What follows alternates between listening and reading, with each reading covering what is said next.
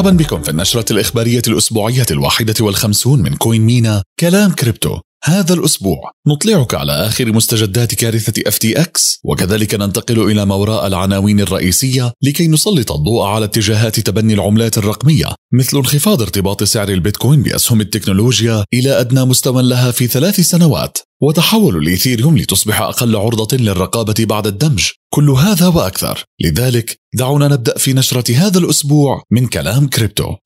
أخبار عالمية. مستجدات FTX قام الرئيس التنفيذي السابق لشركة FTX سام بانكمان فريد بجولة اعتذار عامة عبر مختلف وسائل الإعلام الأمريكية. فشلت معظم المقابلات في الرد على أعذار بانكمان فيما يتعلق بمزاعم الاحتيال واختلاس أموال العملاء. يبدو أن استراتيجية الدفاع التي اعتمدها بانكمان فريد هي ادعاء الإهمال بدلا من الاحتيال. في عدة مناسبات كان تفسيره لما حدث هو ببساطة أنه لم يكن على علم بكيفية تحويل ثمانية مليار دولار من أموال العملاء إلى ألميدا. وفي إحدى المقابلات اعترف بأنه لم يقض أي وقت أو جهد في إدارة المخاطر.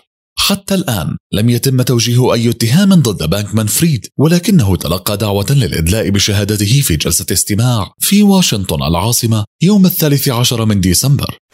Fidelity تقوم بفتح حسابات كريبتو لقطاع التجزئة. أطلقت شركة الاستثمار العملاقة Fidelity أخيرا منصة تداول العملات الرقمية للبيع بالتجزئة. المنصة متاحة للعملاء في الولايات المتحدة وتقدم تداولا بدون عمولة على البيتكوين والإيثر. Fidelity هي واحدة من أولى شركات التمويل التقليدية التي تتبنى العملات الرقمية.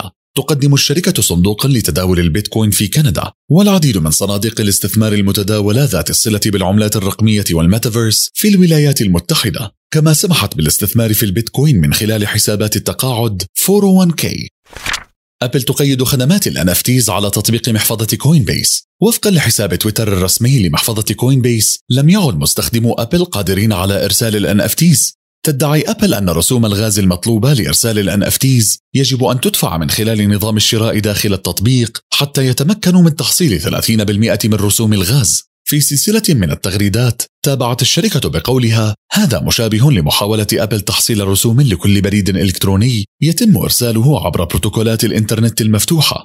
أدان دان فينلي مطور MetaMask والذي عمل كمهندس برمجيات في أبل سابقا ما قامت به أبل في تغريدة قائلا أنا متضامن كليا مع Coinbase أفترض أن MetaMask وغيرها ستكون الضحية التالية. أنا جاهز للاستغناء عن نظام أبل. ضريبة الثلاثين بالمئة هي إساءة الاحتكار ولقد تجاوز تيم كوك كل الحدود وأساء استخدام سيطرته. نصيحتنا لا تكوني شريرة وطماعة يا أبل. لست بحاجة إلى اقتطاع 30% من كل شيء. ما وراء الحدث؟ في هذا القسم نتعمق أكثر وراء العناوين الرئيسية لتغطية التطورات التقنية في قطاع الكريبتو. ارتباط أسهم البيتكوين بأسهم التكنولوجيا ينخفض. لطالما ارتبط سعر البيتكوين ارتباطا وثيقا بأسهم التكنولوجيا وعادة ما يتحرك جنبا إلى جنب مع الأصول التي تنطوي على مخاطر. ومع ذلك على مدار الثلاثين يوما الماضية انخفض الارتباط بين البيتكوين وصندوق Invesco QQQ وهو صندوق المؤشرات المتداولة لأسهم التكنولوجيا إلى أدنى مستوى له في ثلاث سنوات.